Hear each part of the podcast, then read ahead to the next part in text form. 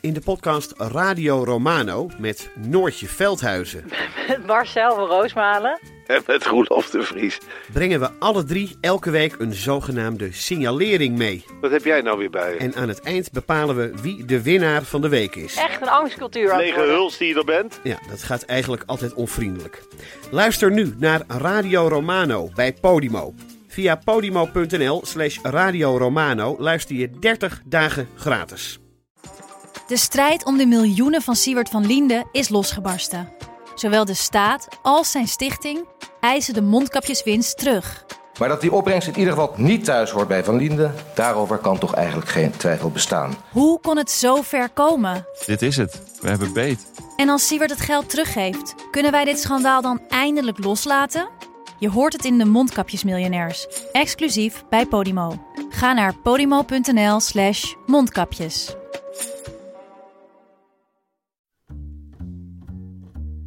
Hallo, vanaf de redactie van de Groene Amsterdammer is dit uw wekelijkse podcast. Ik ben Kees van der Bos.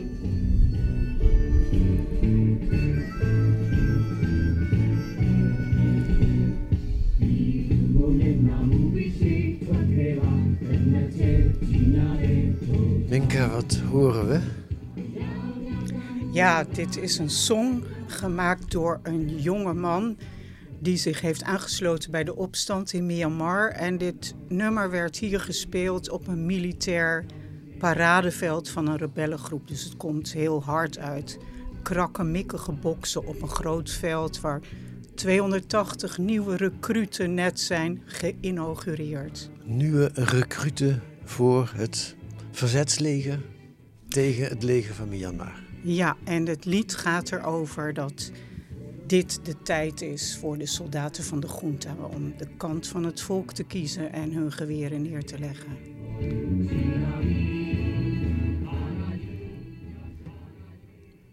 En doen ze dat ook wel eens trouwens? Zijn er deserteurs vanuit het leger van eh, Myanmar? Ja, zeker. Dat is heel opmerkelijk aan de situatie van nu. Sinds de staatsgreep van, twee, eh, van drie jaar geleden inmiddels zijn er echt duizenden soldaten die zich hebben overgegeven, inclusief ook echt hoge militairen, brigadier, generaal, et cetera. Dus dat is nogal wat. Ja. U hoort Minka Nijhuis. Ze doet al ruim 30 jaar verslag vanuit Myanmar en vanuit andere oorlogsgebieden, Oost-Timor, Syrië, Afghanistan. Maar een oorlogsverslaggever wil ze niet genoemd worden. Ze is in die landen niet alleen als de wereld ernaar kijkt, als de oorlog opleidt. Nee, ze doet aan slow journalism. Zorgvuldig, geduldig, met veel contacten ter plaatse.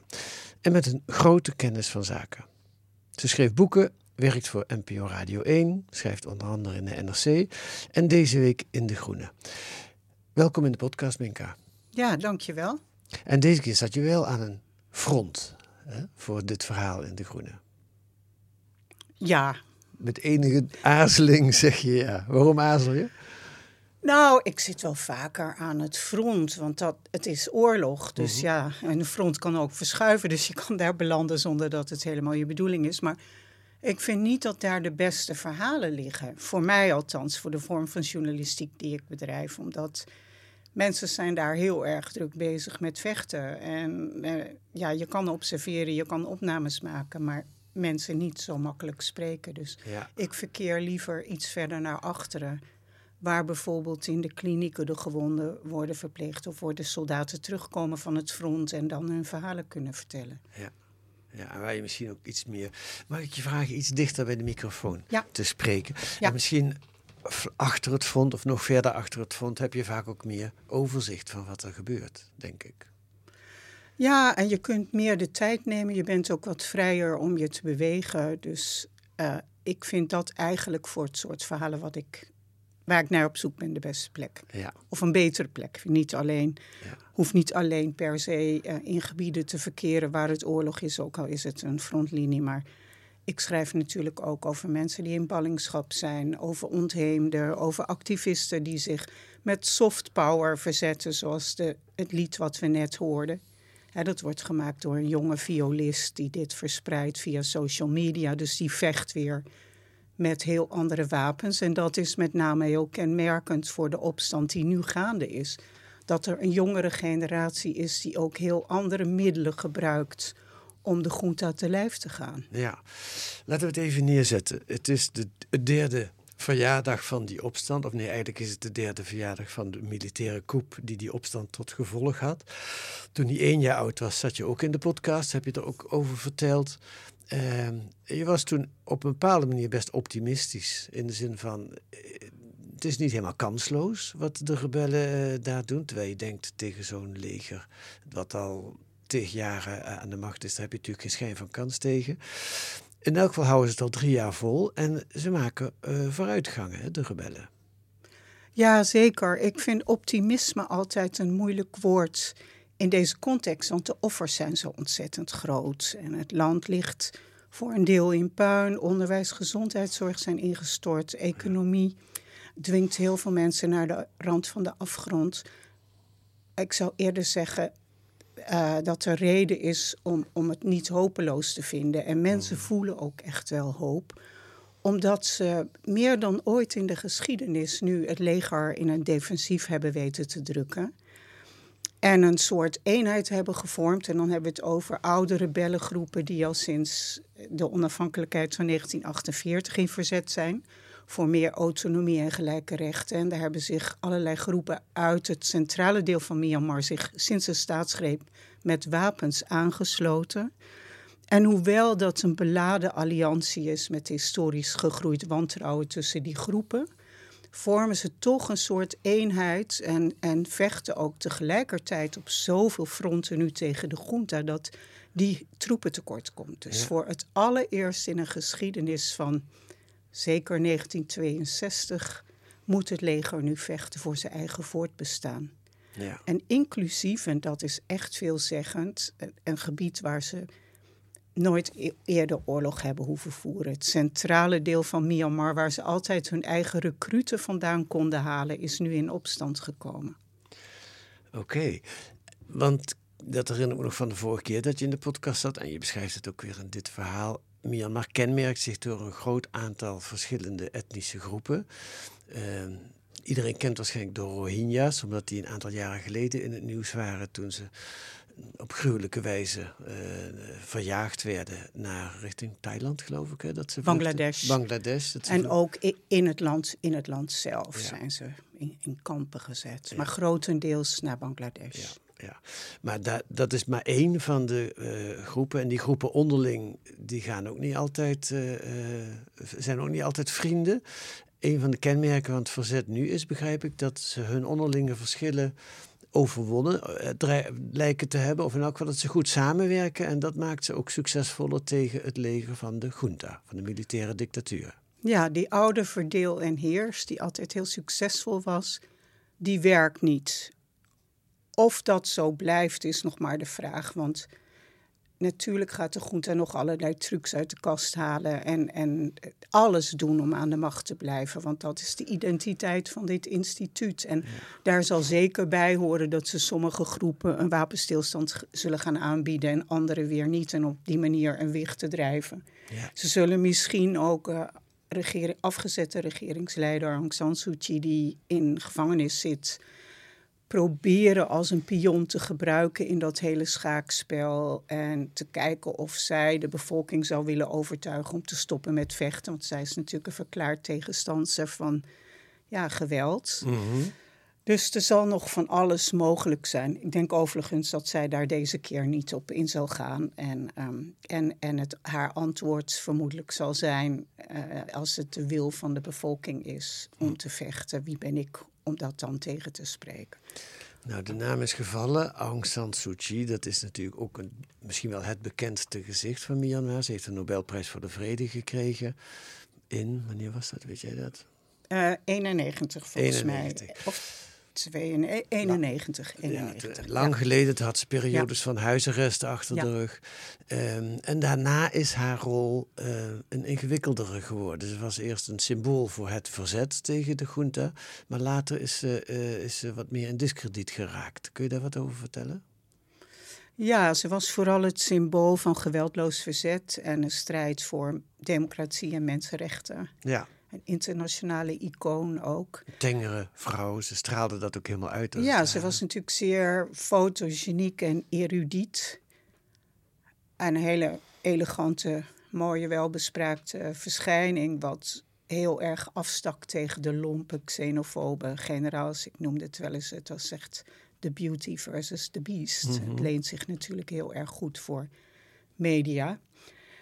Maar zij is in moeilijk vaarwater terechtgekomen toen ze op een gegeven moment toch heeft besloten om met de militairen in zee te gaan in de politieke arena. Terwijl die militairen nog altijd heel veel macht hadden, zowel dankzij de grondwet, die eh, hun garandeerde dat de machtigste ministeries in hun handen eh, bleven, plus een ambtenarenapparaat, wat ook nog altijd onder hen viel. Wanneer heeft ze dat besloten om dat met hen in zee te gaan? Ja, dat is ongeveer gebeurd in tussentijdse verkiezingen van 2012. Daar heeft ze aan deelgenomen. En in 2015 heeft haar partij toen de algemene verkiezingen met een enorme meerderheid gewonnen. En ik kan me nog heel goed herinneren dat mijn vrienden, die doorgewinterde activisten waren, toen al zeiden dat ze liever gezien zouden hebben dat zij buiten de poli- partijpolitiek zou blijven en als een soort ja, leider van nationale eenheid daarboven zou blijven staan, maar ziet zichzelf als een politicus eh, en wilde dit per se gaan doen. En dat heeft haar in heel ongemakkelijk vaarwater gebracht. En al snel was te zien dat zij voor een goede samenwerking met een nog altijd machtig leger allerlei concessies moest gaan doen. En inclusief het niet veroordelen van het gruwelijke geweld tegen de Rohingya. Ja, want daar is een strafzaak eh, van het internationaal hof begonnen tegen Het gerechtshof. de, het gerechtshof tegen ICJ. Ja. ICJ tegen eh, Myanmar. En eh, ja, wie schetst, nou, kwam mijn verbazing dat dan, eh, Aung, Aung- nou ben ik haar naam kwijt, Aung Suu Kyi. Aung San Suu Kyi. Maar Aung je kan het afkorten als Suu Kyi. Als het echt niet gaat, mag je sushi zeggen. Nou, dat is voor mij wel gemakkelijker. Nou, qua- zij kwam als getuige à décharge voor dat hof. kwam aan in Nederland om voor het hof te getuigen, om, om, om uitleg te geven. Terwijl, eh, dus ze, ze, ze was een soort verdediger daar van de militaire dictatuur en van de mensen die die Rohingya's op verschrikkelijke manier onderdrukten. Ja, daar kwam het leger natuurlijk heel goed uit. Ja. Want het was aanvankelijk zelfs zo erg dat toen dat geweld losbarstte tegen de Rohingya... en dat was natuurlijk het leger dat daar het bevel voerde en ook de orders had gegeven. Dat was de legerleider Min Aung Hlaing. Maar zijn naam viel niet, de naam van Suu Kyi viel. En dat is natuurlijk wel een merkwaardige prioriteit... ook voor internationale pers, om dat zo te doen. Ja. Maar dat geeft meteen al aan dat zij dus eigenlijk alle kogels moest opvangen, om in die termen te spreken. En, het, en het leger in zijn vuistje zat te lachen. En heel goed wist dat dit aan haar zou gaan kleven. En dat zij dus mogelijk ook, eh, dat haar reputatie in de goot zou belanden. En zij mogelijk ook in, in, de, in de wereldgeschiedenis zou verdwijnen als iemand die ehm, met een zeer besmet blazoen. En waarom heeft ze dat toch gedaan? Moeten we echt. Ik weet niet hoeveel tijd we hebben. We moeten, hebben- we echt moeten we echt deze kant op? Of Ja, want moeten, we, waarom- moeten we het niet over We gaan, we gaan zo weer terug. Oké, nee, ik ga me er niet mee bemoeien. Nee, want je bent bang dat anders de huidige situatie te weinig aan bod komt. Is dat ja, het? en ook ik ben daar ter plekke geweest. Ja, ja, en dan ja, word ik weer zo'n leunstoelanalist. en ik, ik ben nou juist op pad omdat ik de analyse kan koppelen aan, aan mijn waarnemingen Ja. en, en, Ja. Ja. en, en de verhalen van mensen. Ja, ik wil het alleen even afmaken, omdat Sun Chi is toch een heel bekende eh, figuur. Hè, Mensen die weinig van Myanmar weten, zullen haar misschien wel kennen. Ehm, nou goed, laten we niet op al haar eh, afwegingen ingaan, maar het, het verhaal daar afronden. Ze zit nu in de gevangenis, blijkbaar. ja. Met andere woorden, eh, ze heeft toch weer conflicten met die militairen gekregen. Ja, uiteindelijk heeft ze de verkiezingen, dus de, de tweede landelijke verkiezingen van 2020, heeft ze ook met een grote meerderheid gewonnen. En dat was een enorme klap in het gezicht voor de legerleider, die echt had gedacht dat haar positie en haar populariteit wel dermate afgezwakt zouden zijn dat andere partijen die hij kon manipuleren een kans zouden maken. Ja, En dat was dus enorm gezichtsverlies. Maar bovendien was hij ook bezorgd dat zij met een nog grotere overwinning dan de vorige keer aan de belangen van de militairen en hun bondgenoten, met name de economische belangen, zou gaan sleutelen. En er, er dreigen natuurlijk allerlei zaken aan te komen, niet alleen bij het uh, internationaal gerechtshof, maar ook bij het internationaal strafhof, waar werkelijk enorm dikke dossiers liggen over de wandaden van het leger. Dus dat maakte bij elkaar dat hij zich toch heel erg opwond over die overwinning. En het was bovendien ook een hele persoonlijke kwestie, want de politiek van Myanmar die wordt altijd ook bepaald door persoonlijke kwesties. Iedereen kent elkaar, die families hebben elkaars geschiedenissen al generaties lang gedeeld. En hij had zijn blik gericht op het presidentschap. En, en daar trok Suu Kyi een enorme streep doorheen. Ja. Toen is er nog een last minute ontmoeting geweest. Uh, maar daar heeft Suu Kyi toch duidelijk laten merken, volgens mensen die daarbij waren, dat er deze keer geen compromissen gesloten zouden worden. En toen heeft hij besloten dat het genoeg was. En zowel haar als haar ja, collega's en tientallen andere politici en honderden activisten achter de tralies gezet. Goed, toen kwam de koep van 2021, drie jaar geleden. We gaan terug naar het front, uh, Minka, waar jij uh, uh, luistert. I worry I totally change to another person. So every day trying to look at like, what is my dream? What I want to do. Yeah, I, I don't want to kill you. I don't want to shoot the SAC. I don't want to shoot like Burma Army soldier. I don't hate them. I don't meet them before. Because of their leader, I have to shoot them. If we don't, if I don't, or if we don't, they're gonna shoot us. They're gonna kill us. They're gonna destroy us.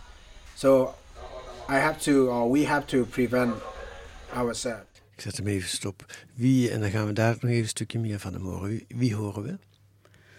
Ja, dit is een commandant van een van de etnische legers van de Karenni, een kleine staat in het oosten van het land. is een van die etnische groepen. Een van de etnische groepen. En ik ben door deze staat gaan reizen deze keer, onder andere. Het is een 30-jarig iemand die voor de staatsgreep een droom had. Namelijk, ja, hij wilde organische landbouw doen. Hij had ook een hulporganisatie die zich daarmee bezig hield. En het was uh, een van de jongeren die echt de hoop had dat het de goede kant op zou gaan met het land. En die dus toen de staatsgreep plaatsvond, besloot dat deze generatie die gewend was anders aan hun dan hun voorouders, hun ouders en grootouders, uh, vrijheid te hebben. En die besloten dat ze niet terug wilden naar de duistere jaren van hun ouders en grootouders en alles op alles zouden zetten om deze staatsgreep ongedaan te maken. En die hebben dus de wapens opgenomen. En hebben deze nieuwe generatie heeft heel erg nieuwe energie gegeven aan, aan dat oude verzet, wat er natuurlijk in de etnische gebieden ook al was. En deze commandant heeft ook nog eens het voordeel dat hij van dezelfde etnische groep is als de Karenni. Dus die speelt hier eigenlijk een thuiswedstrijd. En zelfs zo dat ze inmiddels met zo'n 8000 soldaten ongeveer van zijn leeftijd of jonger de sterkste militaire groep zijn in dit gebied. En ja, een groot deel van de staat hebben weten te bevrijden. Ja, ja. Um, en dat zegt hij op een andere manier, eigenlijk ook in de woorden die we net hoorden. Hij wil eigenlijk niet vechten, zegt hij, maar ik ben gedwongen door de situatie, zoals jij dat omschrijft, om dat wel te doen. Nog even voordat, ik verder, voordat we verder naar hem gaan luisteren, geef eens een beeld. Hoe ziet hij eruit? Ja, het is wel een heel fascinerend iemand. Hij is, hij is charismatisch. Uh, hij voert echt met een, met een vrij natuurlijke manier van doen, voert hij het bevel. Dat zie je ook aan zijn manschappen. Het is iemand die vastberadenheid ook wel kan afwisselen, vind ik, met kwetsbaarheid. Vooral als hij vertelt dat het niet zijn keuze was om dit te gaan doen. En en, en, en verderop ook nog wel wat meer persoonlijke dingen laat horen, die je misschien zo meteen ook nog gaat afspelen. Um, het is ook wel iemand die uh, humor heeft, nog altijd. Maar hij, ja, hij is wel heel duidelijk in zijn verhaal. We, we moeten vechten. En daar staat iemand, daar staat iemand hè? dat is een stevige meneer. Het is een stevige, stevige figuur. Ja. Ja. Zou ik zeggen. At the same time, I try to remind myself we are not the we are not like SAC soldier. We are good people. We are trying to be a good. That's why if we capture uh, the prisoner of war, we treat them with respect and honor. We follow the international rule. We follow the local rule. So those things keep me to be a good man. But I, but you know, like weapon and power can change people. Ja, daar zegt hij het eigenlijk eh, eh, ook waar hij zelf bang voor is. Dat je kunt er ook als persoon wel erg door veranderen door dit mee te maken, wat hij meemaakt. En hij zegt, eh, we houden ons, we gedragen ons fatsoenlijk. We schieten wel, we doden wel als het nodig is, maar als we krijgsgevangenen maken, behandelen we ze fatsoenlijk. Ehm, gebeurt dat ook? De conventies van Genève die vielen, ja. Deze groep wel, denk ik, voor zover ik dat heb kunnen beoordelen. De dat Karenni. zijn ook, eh, nou, met, ook de Karenni hebben verschillende legers. Dit is dus een leger van nogal wat hoogopgeleide mensen. Hij was dat zelf ook, deze commandant. Hij heet Mawi, maar ik ben er ook eh, ingenieurs en, en artsen eh, tegengekomen. Hoogopgeleid, voor voormalige parlementsleden. Maar er zijn wel verhalen dat het elders gewoon niet goed gaat. En dat mensen wel mishandeld worden of zelfs gemarteld worden. Want er is natuurlijk ook een zucht naar wraak. En het leger gaat ook zo ontzettend tekeer uit wraak tegen mensen die, de, die opstand zijn begonnen. Dat er afgerekend wordt met vrouwen en kinderen. Alleen is het wel zo dat voor zover nu bekend, de schaal waarop dat gebeurt, is het wel heel duidelijk wie hier de grootste misdaden op zijn geweten heeft. Ja, je schrijft ook. Ja. Het, het, het- de militaire dictatuur kan eigenlijk al tientallen jaren lang straffeloos zijn gang gaan. Ja, want er is natuurlijk heel veel nieuws geweest over de Rohingya, maar het is het precies hetzelfde leger. Ja. Dat al decennia tekeer gaat in andere etnische gebieden en dat met totale straffeloosheid. En wat in feite zijn eigen burgers als, als vijanden van de staat behandelt. Het is bijna een soort bezettingsleger. Ja. Nou, het zijn nu ook echt vijanden, er wordt ook echt gevochten. Laten we daarna teruggaan, naar kijken. Ehm Karen, dat is de, een- de staat waar de Karenni waar de, eh, vandaan komen. Ik weet niet of ik die woorden goed gebruik, maar Nee, de Karen wonen weer in een stad, staat. Het is ingewikkeld, ja. Ehm, de Karen wonen in een staat ten zuiden van de Karenni. oké. De Karenni wonen in de Karenni-staat. En die Karenni-staat is grotendeels in handen van de, hoe moet ik dat noemen? Hoe noem jij het? De rebellen, de verzetsgroepen? Ja, ik noem het soms rebellen, soms noem ik het opstandelingen, soms noem ik het gewapend verzet. Ik gebruik ze het hebben- een beetje door elkaar. Ja. Ze hebben het leger verdreven uit die staat, min of meer. Grotendeels. En gisteren las ik dat ze ook nog weer een andere grote plaats hebben ingenomen. Maar waar, waar ik was, wat een soort eindpunt was van mijn reis, is de hoofdstad van die staat, Loiko. Ja. En daar wordt echt nog even gevochten. Want je ziet dat deze legers, en met name dit jonge leger van deze commandant Mawi, is pas gaan vechten drie jaar geleden. En die hebben voornamelijk op het platteland en in de jungle gevochten. En, en nu hebben ze het op zich genomen om die hoofdstad te bevrijden. Maar dat is stadsguerrilla en, en dat is nieuw voor ze. En daar zijn de verliezen groot. En het deed me heel erg denken aan een eerdere reis die ik heb gemaakt in Syrië naar Oost-Aleppo, waar het, de boodschap van Assad ook was: als jullie me de stad niet geven, dan laat ik as voor jullie achter. Ik denk dat als deze stad Lo- Loiko niet te behouden valt voor het leger, dat ze ze niet zullen, en dat is een mogelijkheid, dat ze dan niet zullen aarzelen om ja, die stad plat te gooien. En ook gisteren kwamen, kreeg ik weer nieuwe beelden van uh, gebouwen in de as. En dat is ook wat ik zag toen ik daar was. Ja, want wat, laten we duidelijk zijn, de, de lucht is van het leger. Hè? De, de, daar, daar spelen de rebellen geen rol. Dus het leger kan vrijuit bombarderen voor zover dat technisch mogelijk is. Nou, ze maken daar zeker de dienst uit. Wat uh, rebellengroepen hebben zijn drones. En die zijn vaak ook zelf gemaakt. Ook dat is die nieuwe generatie die knutselen dat dan in elkaar. En dat is lang niet altijd zo nutteloos als het klinkt. Er zijn uh, toch ontwikkelingen gaande dat je ziet dat ze professionaliseren met hun uh, wapens. Maar de junta heeft natuurlijk een overmacht aan gevechtsvliegtuigen, gevechtshelikopters, artillerie, met name vanuit China en Rusland. Dus ja, in de lucht heersen ze. En bovendien schromen ze ook niet om burgers onder vuur te nemen als straf voor de hulp aan de opstand. Dus het zijn dorpen, ziekenhuizen, scholen, kerken die onder vuur genomen worden. Ja, je noemt al China en Rusland. Laten we eens kijken wie steunt wie.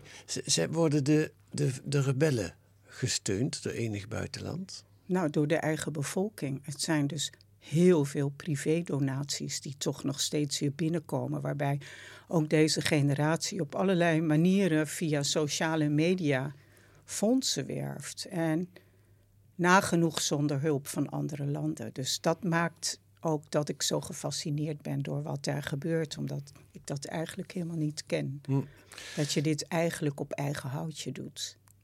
Dat geeft ook wel aan, vind ik, dat we in het begin, vooral westerse experts, zo cynisch waren over deze opstand dat wij helemaal niet meer gewend zijn om nog enig vertrouwen te hebben in zoiets als people's power. En misschien ook wel na de mislukte opstanden, althans voor nu in het Midden-Oosten, de Arabische lente, schudden we ons hoofd als mensen in opstand komen. Maar ik zie hier de kracht van een bevolking. En wat helemaal niet wil zeggen dat dit een sprookje wordt naderhand. Want zelfs als ze het zouden winnen, dan is natuurlijk de grote vraag en dan? Mhm. Dan moet je een land gaan opbouwen wat, wat kapot is. Met heel veel verschillende groepen en allemaal verschillende agenda's en heel veel wapens. En instituties die zwak zijn.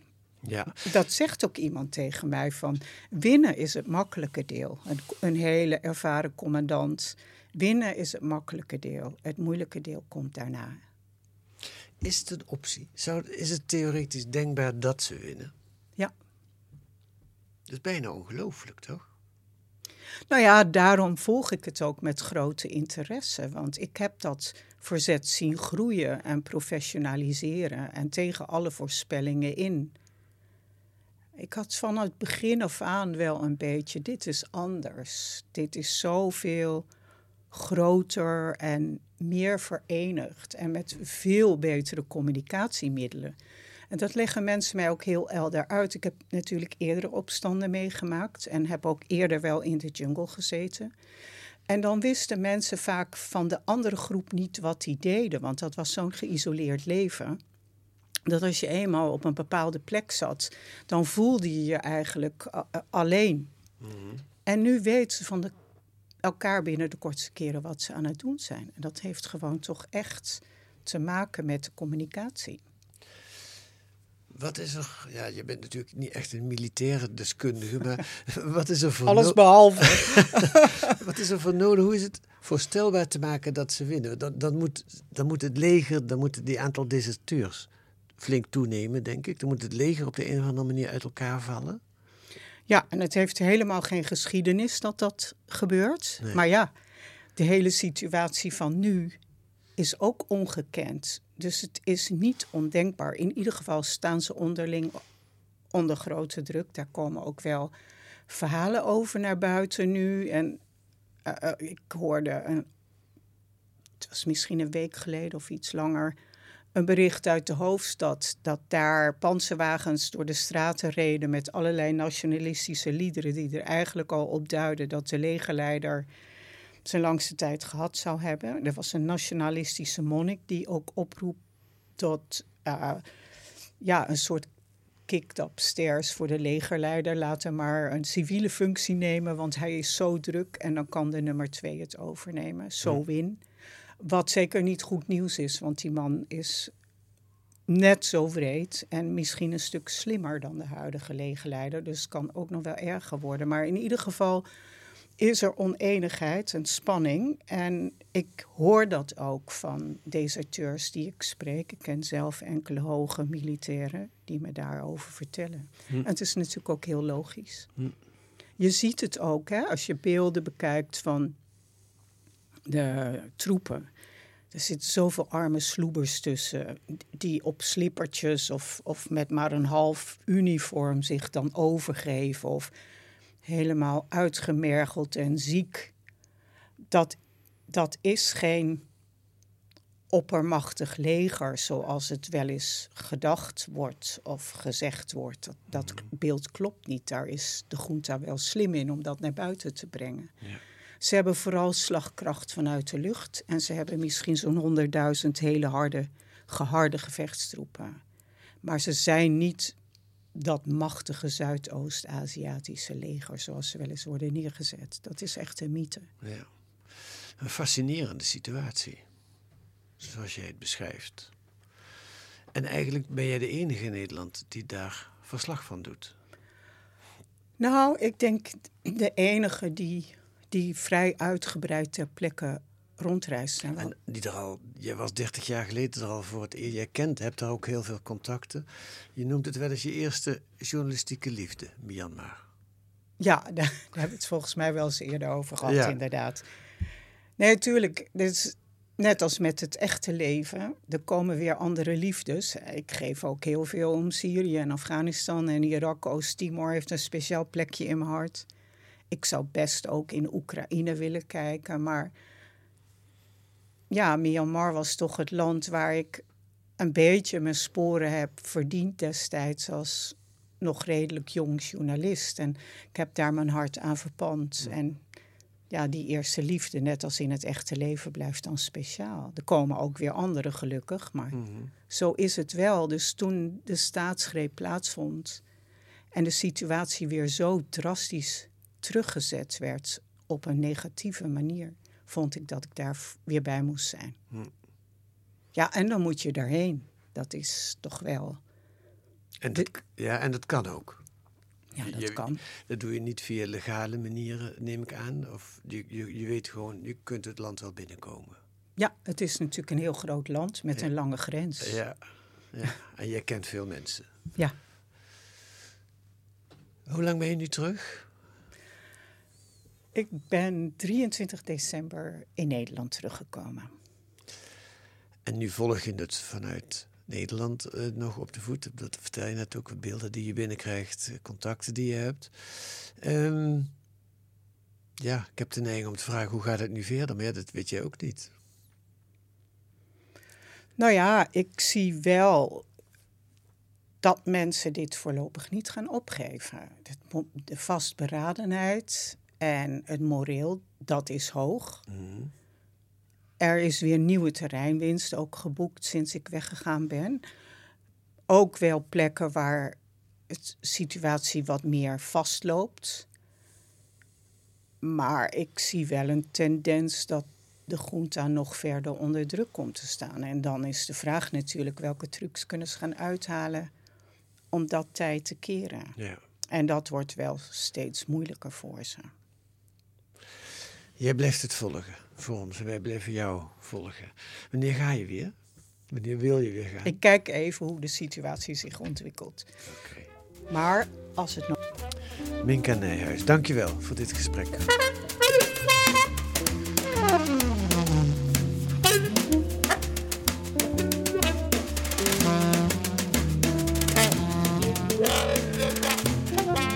Wat staat er nog meer in De Groene deze week? Een essay over het moderne genie. En dat is niet meer de kunstenaar, maar de natuurkundige, de wiskundige of de computernerd met een beta-brein die in de voetsporen treedt van Einstein en Oppenheimer. En een reportage van Margeliet Kleiweg over het Amsterdamse jongerenwerk. Vertrouwenspersonen brengen jongeren die door veel instanties al zijn opgegeven weer op het goede spoor. Supergoed werk, maar kan het niet wat minder versnipperd, vraagt Margaliet zich af. Dat kunt u lezen in De Groene deze week. Met een abonnement of een proefabonnement ga dan naar groene.nl.